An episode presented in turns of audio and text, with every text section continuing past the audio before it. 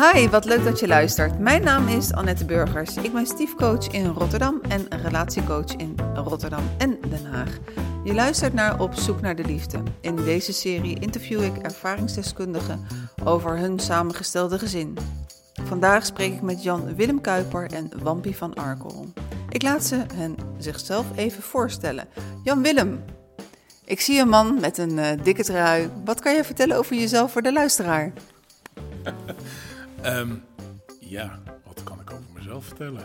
Um, ik ben uh, medisch specialist, radioloog, uh, mediator en coach. En coach doe ik in het kantoor van mijn vrouw.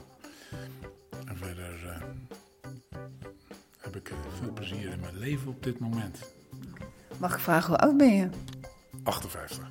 58, het is je niet aan te zien hoor. Wapkie, wil jij ook even voorstellen? Dat is goed. Wampie van Arkel. Ik ben uh, echtscheidingsadvocaat en mediator. Um, heb een praktijk in Rotterdam.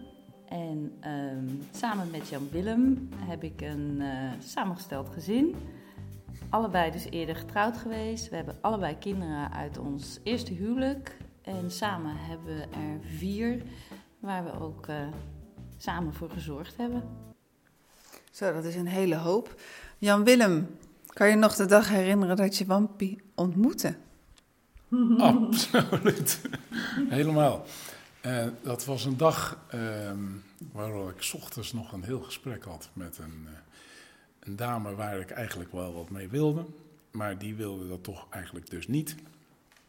En ik was daarna eh, zo klaar met alle vrouwen dat ik zei van, tegen mijn vriendin van ik ga zes maanden celibatair leven. En ik kruip nu onder de steen en wil ik even niet onderuit komen. En zij zei van, nee, nee, er is vanavond een leuk feestje bij ons in de buurt. Ik wil dat je meegaat, want wij gingen samen dan naar dat soort uh, dingen toe. En ik zei, nee, ik heb mijn gezin, daar wil ik echt niet naartoe. En uiteindelijk is ze een beetje blijven zeuren en jengelen. En toen zei uh, uh, oké, ik ga wel mee. En toen kwam ik daar binnen en toen zat daar uh, na degene die het, dus de organisatoren, kwam ik in de buiten. En daar zat een roodharige vrouw in een knalrode jurk. Onder zo'n warmtelamp, zo'n infrarood warmtelamp. En die gaf ik een hand en uh, ik stelde me voor. En dat was uh, zeg maar een soort van, ik weet niet wat de energieoverdracht was, maar en toen zei ze haar naam. En haar naam kende ik dus al. Maar ik wist niet wie daarbij hoorde. En dat was gelijk klaar. Wat bedoel je daarmee? Dat was gelijk klaar? Nou, weet je, je hebt, uh, ik, ik, beschrijf het wel eens uh, als... Uh, je hebt, als je iemand ontmoet, dan zijn, heb je stoplichten. Als, als ik zie van die lampen zo om me heen, zo, en het, mijn hele blikveld... die dan of rood of groen kunnen zijn. En je hebt soms wel eens dat veel groen hebt, en dat je, maar wel wat rood her en der in de hoeken. Dat je denkt, dat wordt dan meestal ook niks. En bij haar had ik al, alleen maar groene lampen. En dat, we hebben de hele avond gepraat en het bleef groen. Mm-hmm. Ik wist niet wat me overkwam. Hoe was de ontmoeting voor jou, Wampie? Had net zoveel impact. Uh, inderdaad, we gaven elkaar een hand. En uh, ik was ongeveer een jaar gescheiden toen. En ik had heel lang zo'n zo houding van, nou, voor mij even geen man meer. Ik uh, ben er helemaal klaar mee. En ik begon net langzaam maar zeker in de modus te komen van, nou, het is misschien toch wel weer eens leuk om met iemand uit te gaan. En uh, uh, een vriendin van mij, de, de vriendin die op dat moment ook het feestje gaf, die had al maanden ervoor gezegd van... ik ken iemand, Jan-Willem Kuiper, dat vind ik nou echt wat voor jou. En, en die had me zitten pushen en ik zei, nee, houd toch op. Ik zie dat helemaal niet zitten, ik wil het helemaal niet. En uh, nee, ik vond het allemaal niks. En toen kwamen wij elkaar dus die avond tegen en we gaven elkaar een hand. En inderdaad, daar gebeurde iets. We bleven ook best wel lang vasthouden. En we raakten in gesprek en we bleven praten. En het was heel grappig. Iedereen om ons heen zag het eigenlijk gebeuren. Ook die vriendin die hem had meegesleept naar het feestje. En uh, zij nodigde mij meteen uit voor een etentje bij haar de week daarna. En uh, Jan Willem was daar dus ook. Even ho, ho, ho. Jullie hebben elkaar in die tussenliggende week heb je elkaar niet meer gezien Nee. en niet meer contact gehad. Nee, nee, dat klopt. Want we waren allebei. Ja, ik was helemaal nog niet eh, aan het daten. Ik, kwam, ik, ik stond er niet eens bij stil dat ik zijn nummer misschien zou kunnen vragen of zo. Dus Ik echt als een bleu meisje had ik daar een hele leuke avond gehad. En een beetje zo eh, naar huis gegaan. En eh, ja, dat was het. Dus we hebben inderdaad geen contact meer gehad. En dat eh, etentje bij die vriendin de week daarna hebben we weer heel gezellig heel de avond zitten kletsen. En elkaar echt beter leren kennen. En weer waren we allebei zo suf om naar huis te gaan zonder nummer.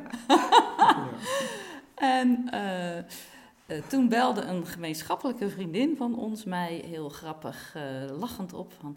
Mag ik jouw nummer aan Jan Willem geven? En eh, ik weet nog dat ik toen bij de intocht van Sinterklaas zat met een paar andere vriendinnen te vertellen dat ik toch wel een hele leuke, interessante man had ontmoet. Eh, en toen zeiden ze: En nu, en nu? Heb je nou een afspraak met hem? Eh, nee, nee, nee. nou ja, en toen belde dus die vriendin. Nou, en toen heeft hij mijn nummer gekregen en toen zijn we gaan appen en bellen en hebben we gewoon zelf een afspraak gemaakt. En zo is het gekomen. En hoe lang geleden was dat? Ehm, nou, het was nu elf jaar. Net twee weken geleden was het elf jaar. Ja. Drie dat- weken ondertussen, ja. ja. En eh, hoe is dat dan als je elkaar ontmoet eh, een jaar na jouw scheiding? Want vertel je, hoe lang was jij al eh, single? Ehm, een jaar? Nee, dat was bijna, ja, bijna twee jaar, ja. ja. Had je de vorige relatie al verwerkt? Nee, ik zat nog, eh, zeg maar, ook nog vol in mijn scheiding. eh. ik had eh, wel twee kinderen waar ik er 100% voor zorgde. Ehm, dat was niet, mijn scheiding schoot niet echt op op dat moment nog, nee. En wat bedoel je met dat jij 100% voor de kinderen zorgde? De kinderen waren bij mij. Dat was hun keuze? Dat was hun keuze, ja. ja.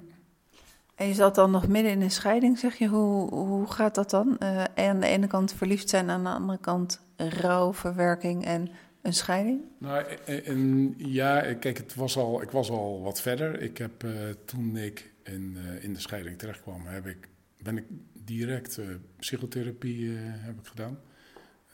Dubbele sessies in de week, zes maanden lang. Ik, wilde, Waarom heb je dat gedaan? Ik dacht, eh, er moet iets mis met mij zijn. Dat had je zo vaak te horen gekregen dat je het ging geloven. Ja, absoluut. En, en eh, ja, dan, eh, ik, ik wilde gewoon. eh, kijk, ik zat al, eh, het was bijna 30 jaar in een relatie vanaf mijn vijftiende. En dan heb je zoiets van: eh, wow, wacht eventjes. eh, ik weet niet eh, wat alleen zijn is. Ik eh, moet eh, alleen leren leven en met mezelf leren omgaan. En dus ik, ik heb daar echt hulp gezocht. En dat was best, was best heftig. En eigenlijk eh, na die zes maanden, een maand later, eh, eh, zeiden mijn kinderen van, komen bij jou wonen. Ja, dus ik denk wel dat het, het scheelt wel. Ik, ik was al wel een stuk verder. Maar goed, het was niet afgerond. Nee, dat heeft nog twee jaar daarna geduurd. Of, Wat, wat heb je vooral geleerd in die psychotherapie? Ehm, ja, een heleboel. Ja, maak een top 5.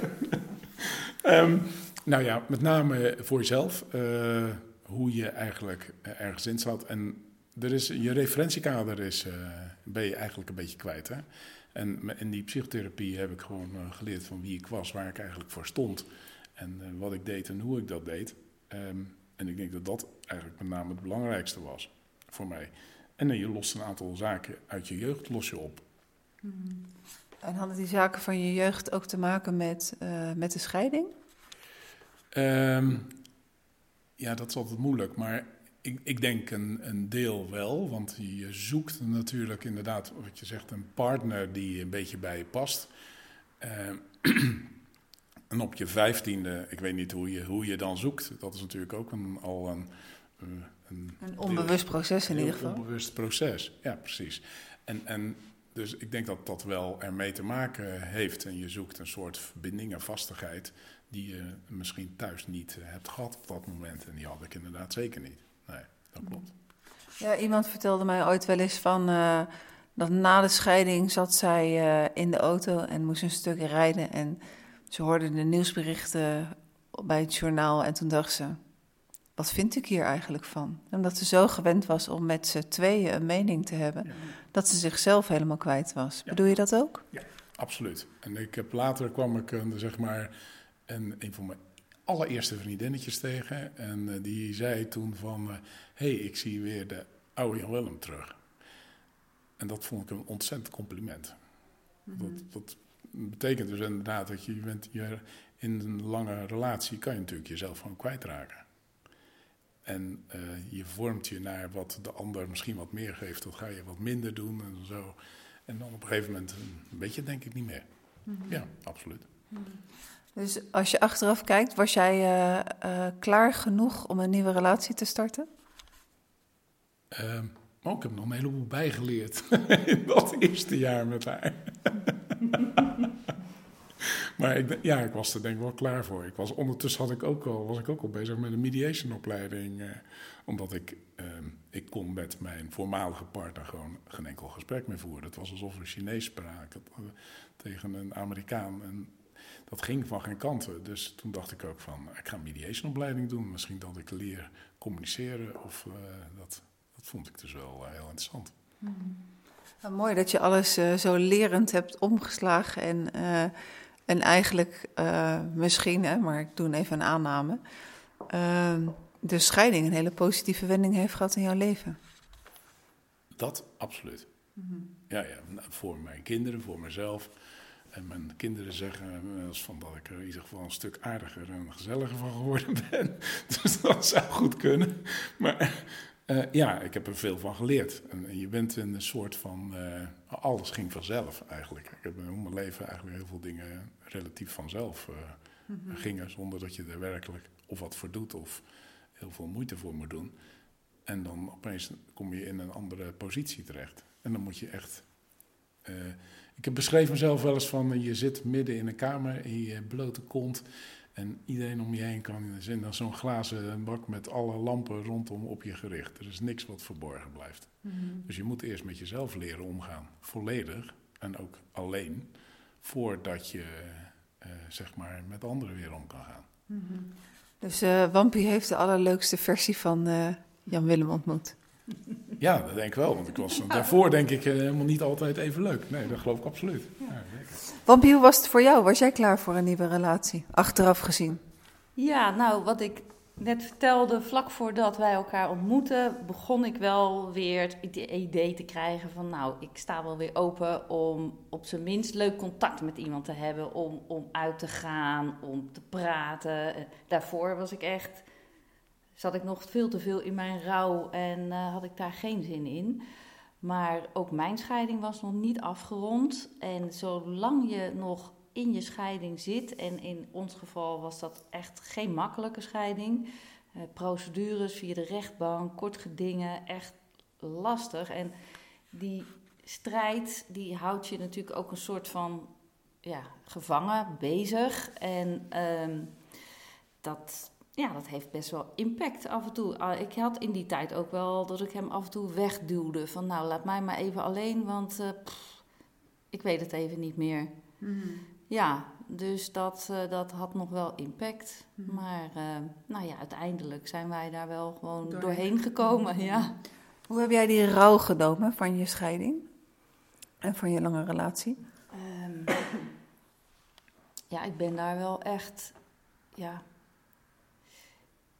Ja, ik, ja, dat zou ik willen omschrijven als dat ik me daar wel in heb laten zakken. Ik heb het wel echt helemaal doorleefd. Echt eh, fysiek pijn gevoeld, eh, veel gehuild, boos geweest. Nou ja, alle gevoelens die in zo'n rouwverwerkingscurve zitten, die zijn zeker voorbij gekomen. Eh, ook eh, op een gegeven moment eh, moedeloos, hopeloos, eh, gewoon niet meer het eind aan het licht van de tunnel zien. Eh, dat heb ik allemaal eh, meegemaakt, ja.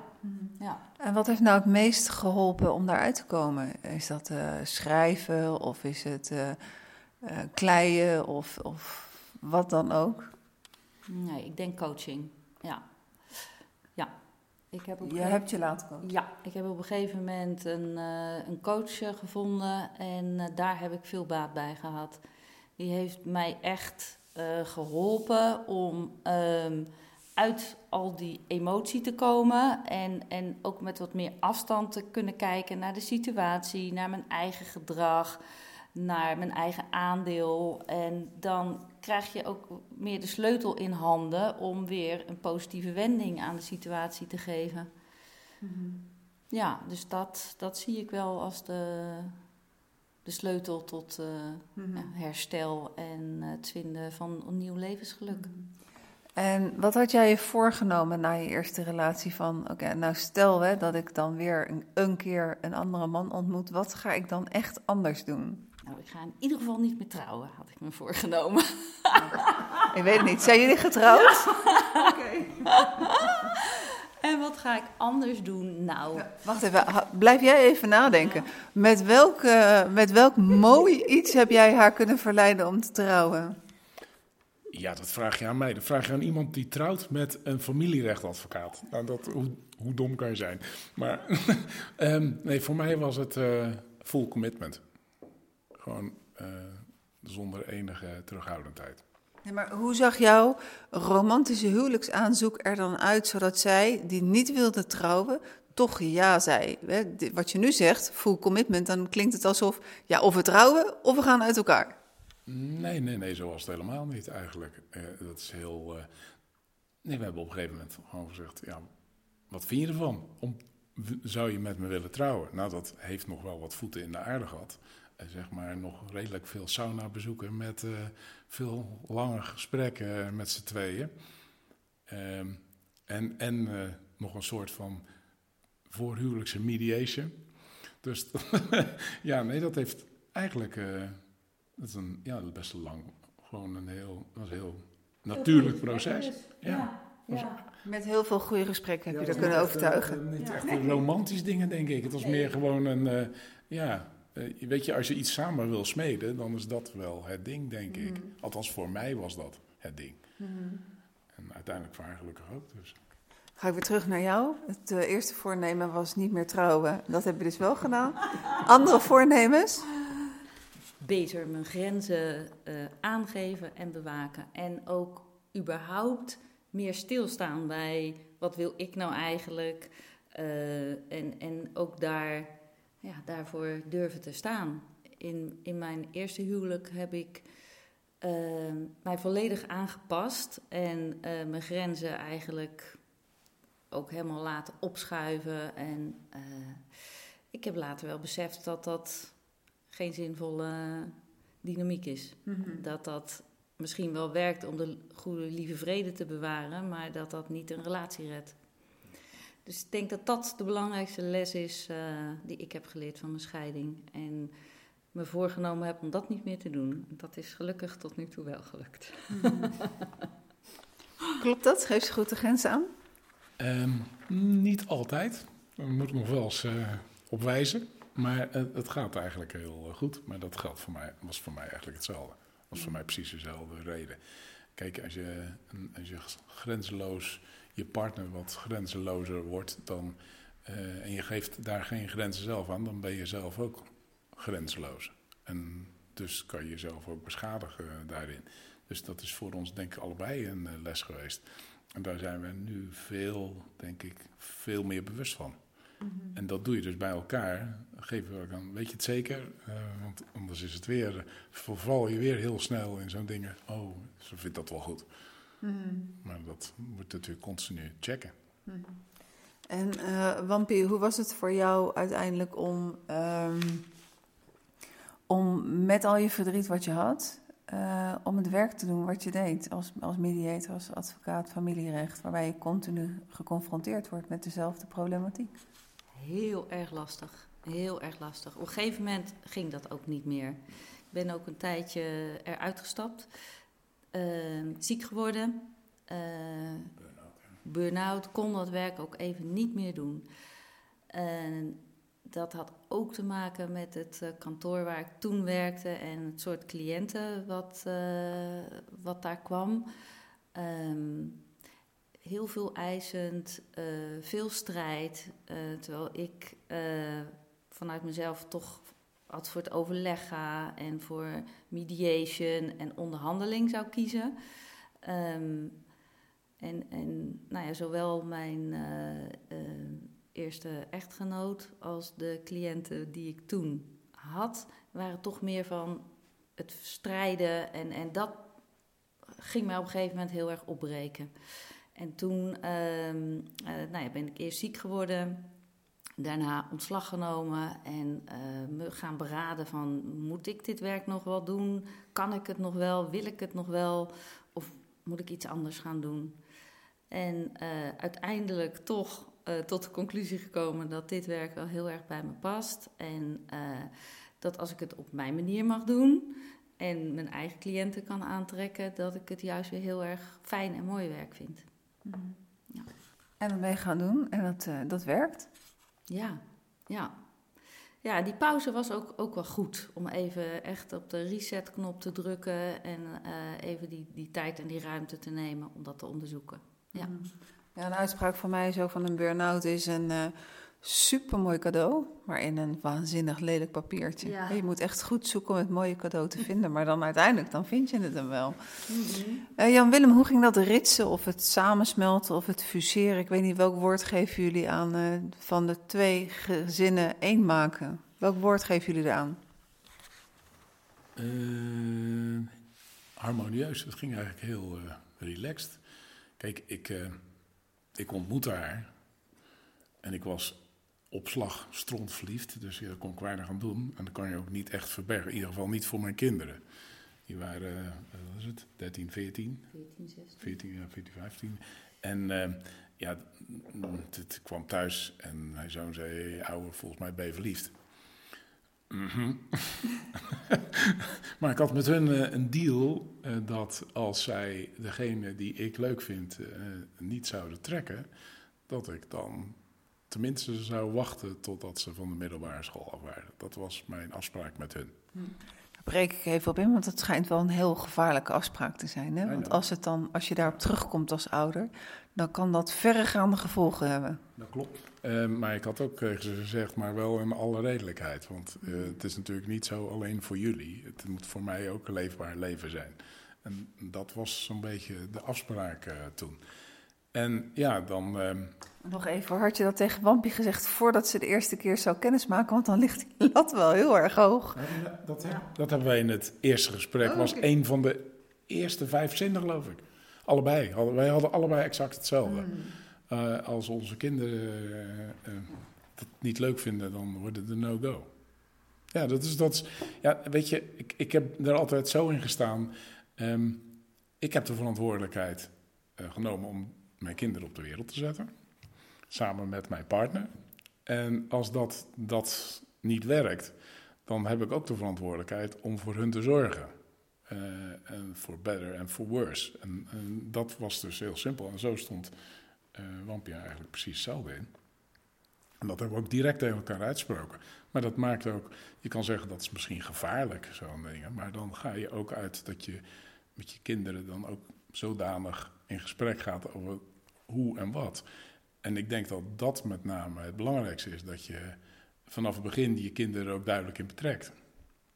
Want ze zijn wel, it's part of the deal. Het is een package deal. En, uh, en als je het niet zo ziet, ja, dan, uh, dan blijft er wat achter. Mhm. En dat geeft, kan problemen geven in ieder geval later. Mhm. ja. En hoe was die eerste ontmoeting dan, van bij jou thuis, vanuit jouw kinderen gezien? Toen ze Wampie hadden ontmoet? Ja, ze vonden het hartstikke leuk. Ze was, uh, ze was voor hun uh, was echt zo van, hè? ja, kijk, ze waren. Ze, um, ik, ik werkte en um, ik, ik, heb, ik heb echt, echt alleen voor ze gezorgd. Ze waren dus ook re redelijk veel alleen. Dat was bijna op het kantje van niet acceptabel af, zal ik, moet ik ook zo nu en dan zeggen. Maar dus toen zij er was, was dat voor hun echt gewoon een feestje. En dat ging eigenlijk heel goed.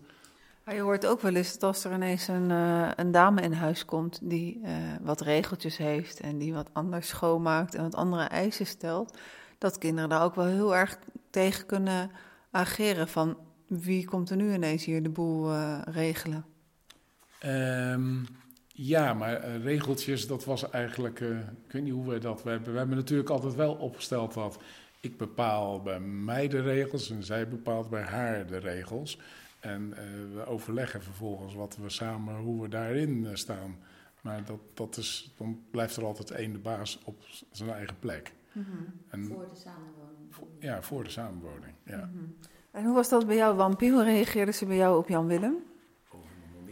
Anders. Eh, sowieso heeft dat langer geduurd, want mijn kinderen waren een stuk jonger. Die waren vijf en acht.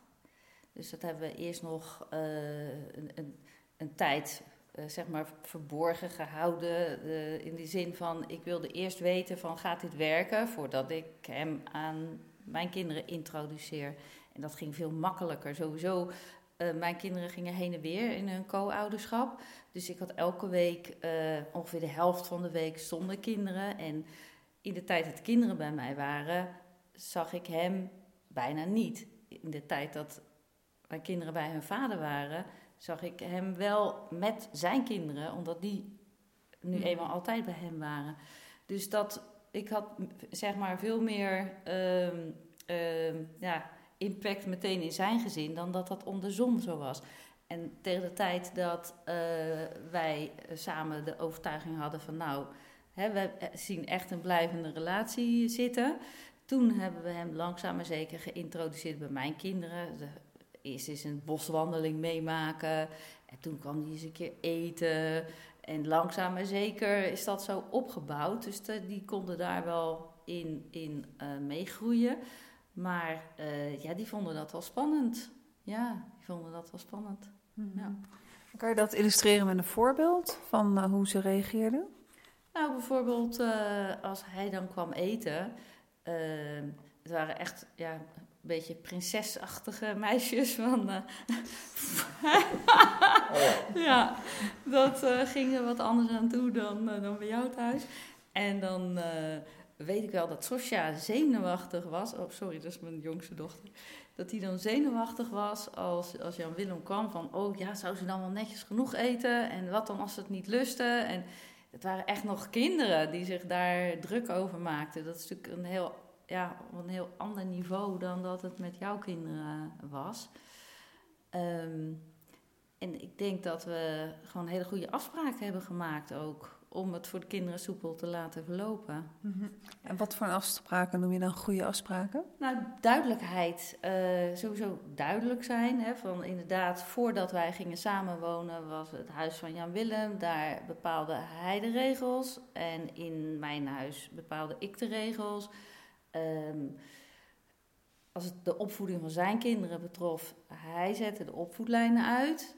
Dat deed ik in, ten aanzien van mijn kinderen. Maar we konden wel elkaars kinderen eh, wijzen op de huisregels, die voor iedereen dan duidelijk moesten zijn.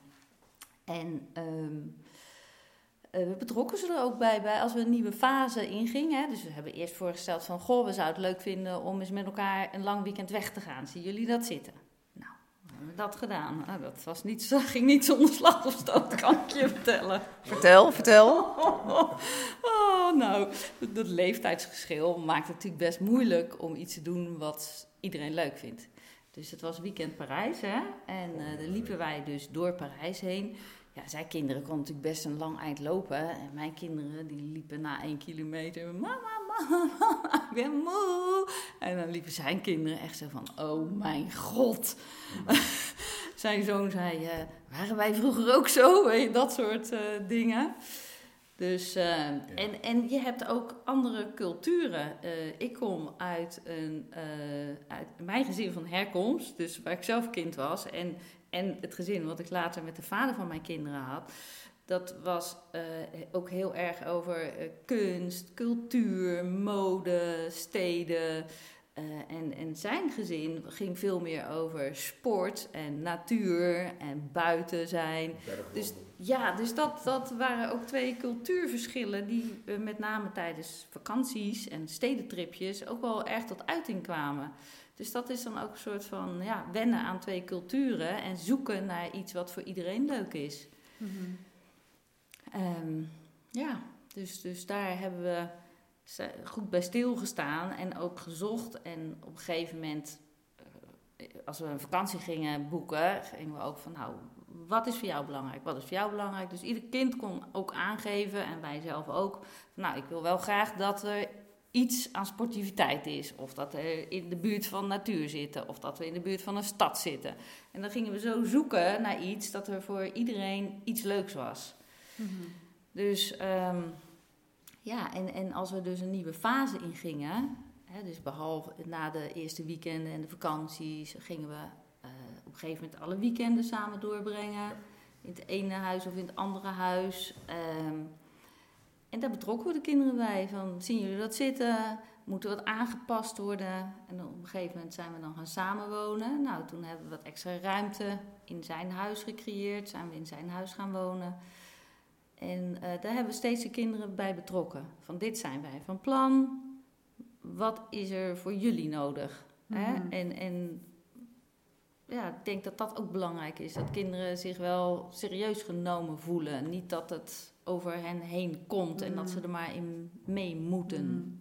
Ja, de erkenning. Want hoe was dat dan voor jouw uh, kinderen dat er ineens een hele invasie kwam? En uh, wat voor veranderingen bracht dat met zich mee?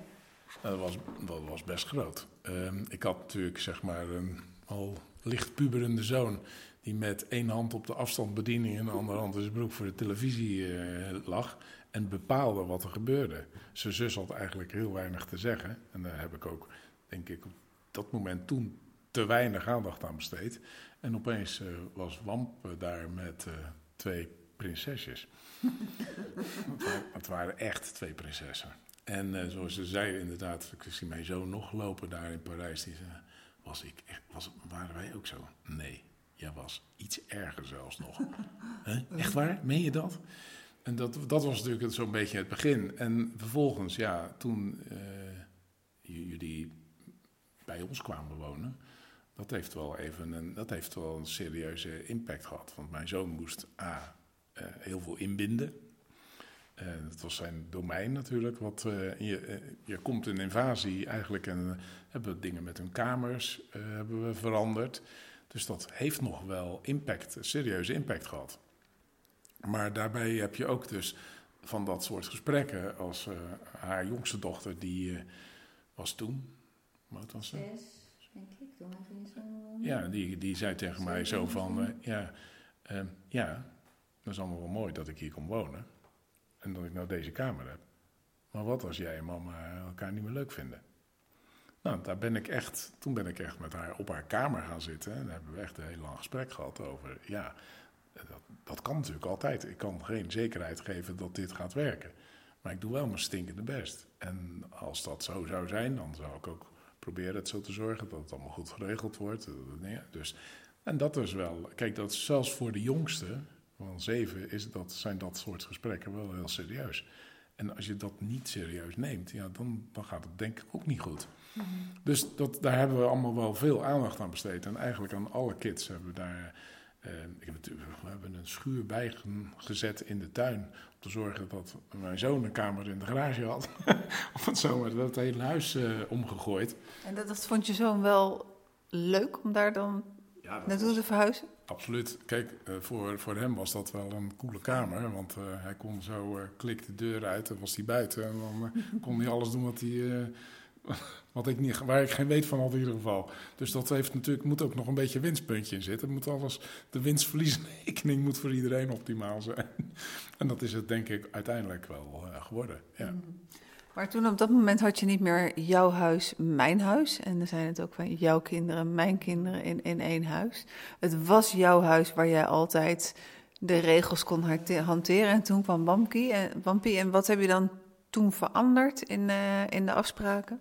Nou, het, uh, het ja, het, het, bleef dus mijn huis. En dat is natuurlijk best een dingetje. Um, dus we hebben ja, alles geschilderd, alle kleuren anders. We hebben een heleboel dingen eruit. We hebben de, een deel van de haarmeubels. Ja, maar we hebben wel stuk voor stuk hebben we dat, uh, we hebben dat rustig aangedaan, maar we hebben wel gewoon consequent door veranderd. Dat het een beetje een gezamenlijk huis werd. En um, eigenlijk zijn we, nou, we zijn nou, bijna tien jaar blijven wonen in dat huis. En nu wonen we hier. En nu is het echt ons gezamenlijk huis. Mhm. Dus dat is, dat is toch een verschil. En dat is best een ding. Ja, ja, ja. Want hoe was dat voor jou om dan uh, in dat huis, wat heel langzaam dan veranderd werd, uh, voelde je je thuis? Nou, dat heeft wel een tijdje geduurd. Ja, ik vond het wel moeilijk. Uh, als ik het voor het zeggen zou hebben gehad, zou ik liever samen in een nieuw huis zijn begonnen. maar dat was om verschillende redenen nou, niet uitvoerbaar. Dus dat heb ik geaccepteerd. Maar het heeft me wel een tijdje gekost voordat het ook als mijn huis ging voelen. Ja. Mm. Ja. ik ken de verhalen niet anders. Ik hoorde laatst wel een mooi verhaal dat, uh, dat het koppel door het huis heen liep. Alsof het huis te koop stond met inboedel van iemand die gescheiden was.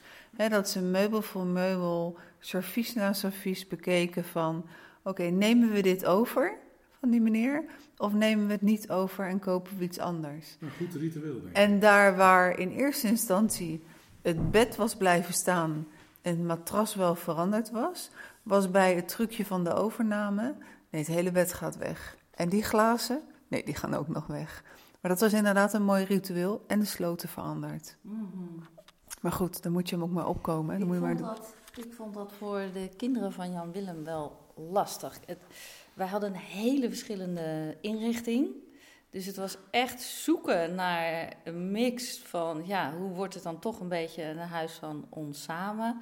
Maar ik vond het ook lastig om binnen te komen en heel de boel overhoop te gooien. Dat vond ik naar zijn kinderen toe gewoon niet oké. Mhm. Dus. Um, ja, een veilige plek. Ja, dus ja, dat. Um, ja, dat hebben we heel langzaam, maar zeker toch steeds iets meer naar iets van ons samen gemaakt.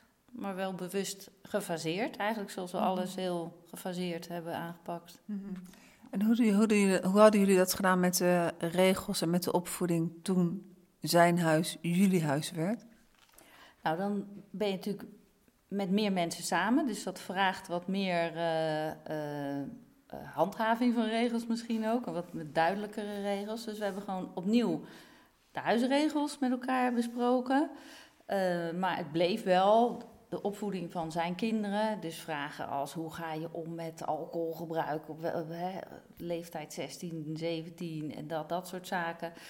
Dat was zijn, uh, dat was zijn verhaal. Daar bemoeide ik me niet mee. En de opvoeding van eh, mijn kinderen was mijn verantwoordelijkheid. Maar we bleven wel met elkaar in gesprek van...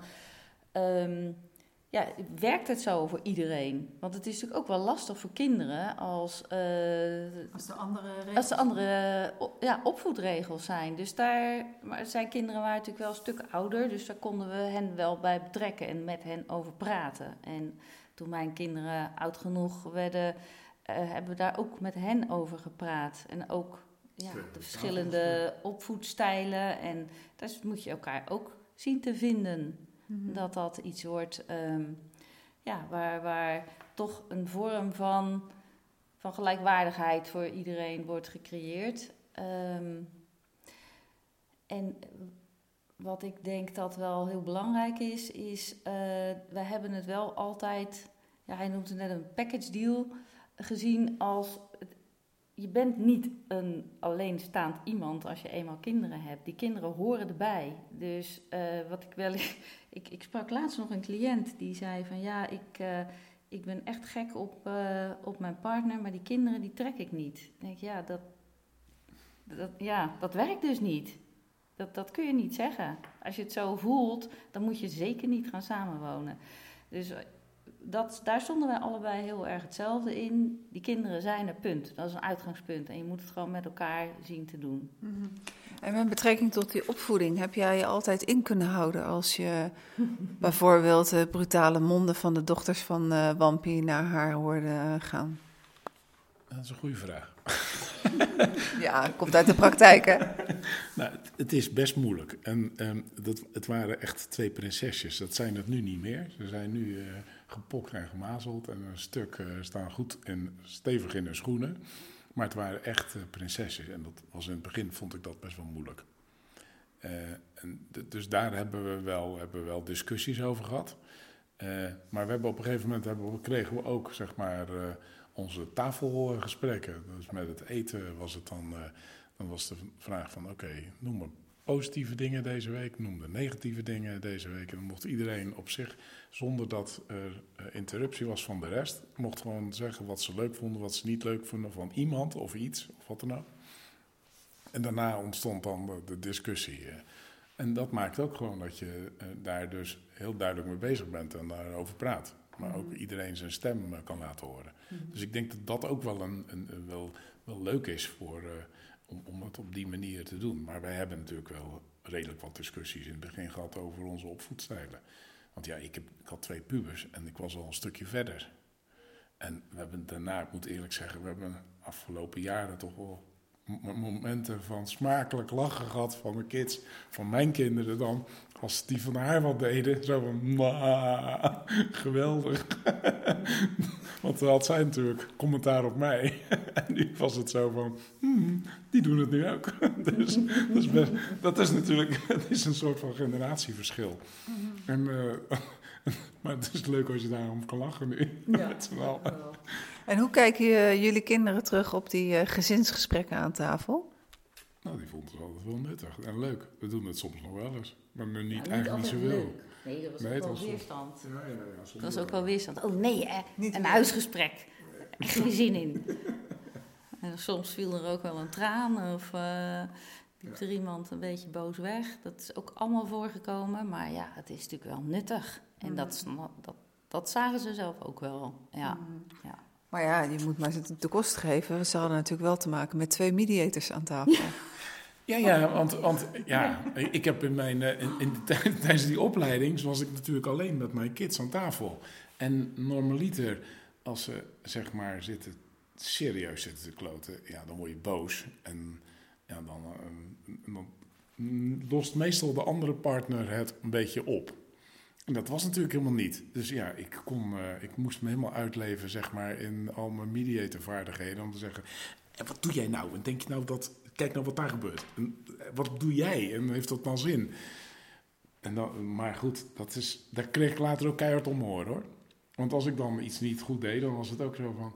Ja, dat vond ik toch, vond ik toch niet zo prettig dat je dat zo deed. Dus ja, ik kreeg het gewoon net zo hard weer terug uiteindelijk.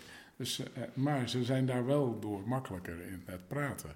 En eigenlijk alle vier. Het zijn alle vier... Ja. eh, ja. ze kunnen uitstekend hun eh, woordje doen. En als jullie nou ergens over oneens zijn, hoe gaat dat dan met twee mediators aan tafel? Als wij onderling ergens... eh, nou, ja, dan wordt er gewoon... eh, de borden vliegen door de kamer. Nee. Ja, gewoon praten, hè? Ja. ja. Dan wel. Nou ja, het, het kan ook zo zijn dat je... Ik bedoel, ik ben wekelijks eh, ben ik bezig met het communicatiemodel van transactionele analyse. En dan eh, vertel ik eh, hoe je vooral eh, niet in de emotie eh, zou kunnen schieten. En hoe je het een en ander kan analyseren. Maar wil echt niet zeggen dat het altijd thuis doe. Nee, dat klopt. Nou, sowieso.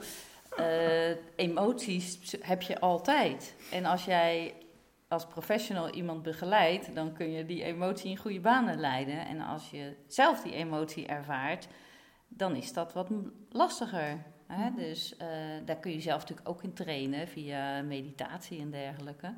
Maar je bent en je blijft mens. Dus ja, nou, wij hebben niet echt veel ruzie, moet ik zeggen. Maar het komt wel eens voor dat, dat iemand eh, boos wegloopt of, ja, of een snauw geeft. Of tuurlijk, wij zijn ook mens. Maar redelijk snel praten we toch wel gewoon uit. We zijn toch wel zo van, nou, wat gaat hier nou niet goed? Laten we nou eens gewoon even gaan zitten en bespreken wat, er, eh, wat hier nou achter zit. En eh, hoe we dit eh, beter kunnen laten verlopen. Ja. Is er een moment geweest, of zijn er momenten geweest, dat jij dacht eh, gedurende deze rit, dit is toch wel heel erg ingewikkeld, zo'n samengesteld gezin. Ik geloof toch maar in, gedurende die tien jaar dat ik mijn koffertje pak en dat ik weer met mijn prinsesjes ergens anders ga wonen. Nou, niet echt. Niet echt. Er zijn wel een paar eh, kritieke momenten geweest met, met de kinderen. Ehm, als het nodig zou zijn, ehm, ik heb wel altijd gezegd, als het echt nodig is, als het echt nodig is voor eh, de kinderen, als we weer een tijdje apart gaan wonen, omdat het eh, niet werkt of wat dan ook, dan zou ik dat wel doen. Ja. Maar het is niet nodig geweest. Ja, inmiddels is de jongste 16, dus ik denk, laat ik het afkloppen, ik denk dat we er nu wel doorheen zijn. Jee. Welke eigenschappen heeft Jan Willem waardoor jij denkt van nou, dat zijn mooie eigenschappen en daarom eh, is ons samengestelde gezin zo verlopen zoals het nu verlopen is? Jij hebt meer denktijd, want ik stel jou zo meteen dezelfde vraag. Over haar dan. Eh, Jan Willem laat niks onbesproken. Dus die gaat altijd het gesprek aan. En ehm, ik vind dat wel eens eh, lastig of zelfs hinderlijk. maar eh, ik denk wel dat dat heel, heel goed is. Ja. En hij is heel vrolijk. Dat helpt ook. Welke eigenschappen heeft Wampie? Waardoor jullie het volhouden? Ehm, zorgzaam. En gewoon, is zo integer en zo. Dat ik heb nog nooit iemand zo meegemaakt. Dat vind ik heel bijzonder. Gewoon, ze staat voor wat ze, waar ze voor staat. En ze is zorgzaam. En dat is wel eh, heel prettig. Als je achteraf zo kijkt, hè, en ook eh, van nou, jullie hebben, wonen nu hier. eh, tijdens coronatijd was bijna iedereen daar en hebben jullie het huis op een mooie manier ingewijd. Ehm, wat is dan een tip die je hieruit kan halen en mee kan geven aan eh, luisteraars waarbij die misschien net in wat moeilijkere fase zitten? Ehm, maak van je huis of je dingen de plaats waar iedereen een plek heeft en zich eh, rustig, relaxed en veilig kan voelen, denk ik. Dat is het belangrijkste. En zorg dat er voor iedereen plek is. En bedoel je dan voor iedereen ook een eigen kamer? Dat hoeft niet altijd. Ehm, ik, ik heb toen, in het, helemaal in het begin, toen, ik, eh, uit, toen zou ik uit het huis gaan.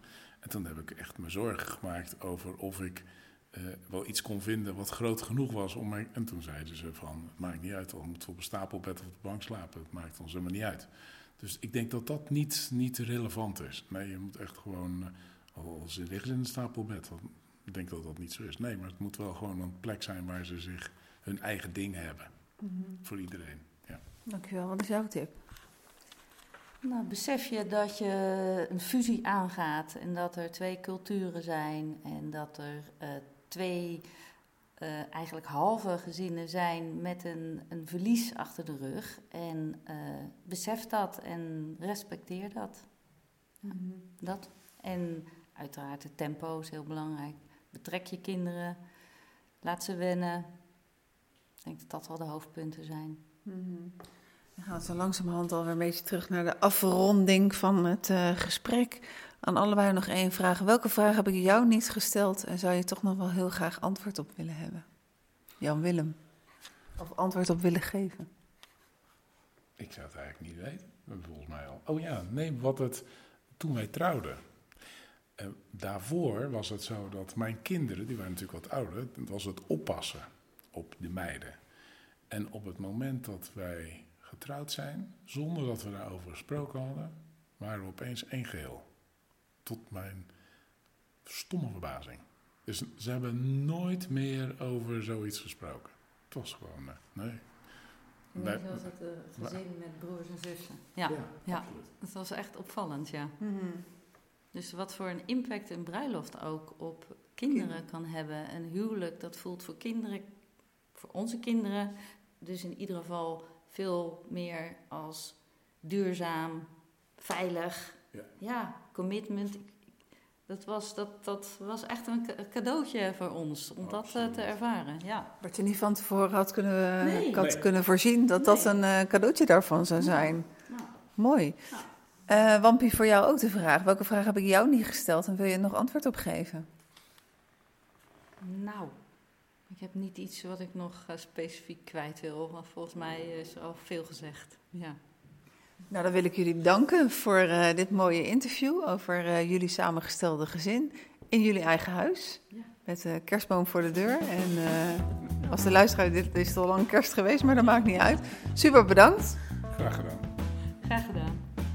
Je luisterde naar het verhaal van Jan, Willem en Wampie. Wil je reageren op dit verhaal? Stuur dan een mailtje naar annette.stiefgoed.nl of laat een recensie achter. Wil jij je verhaal vertellen? Mail dan ook naar annette.stiefgoed.nl. Dank jullie wel, Jan, Willem en Wampie. En dank dat jij hebt geluisterd. Ik hoop dat je over twee weken weer wil luisteren bij de volgende podcast. Tot ziens!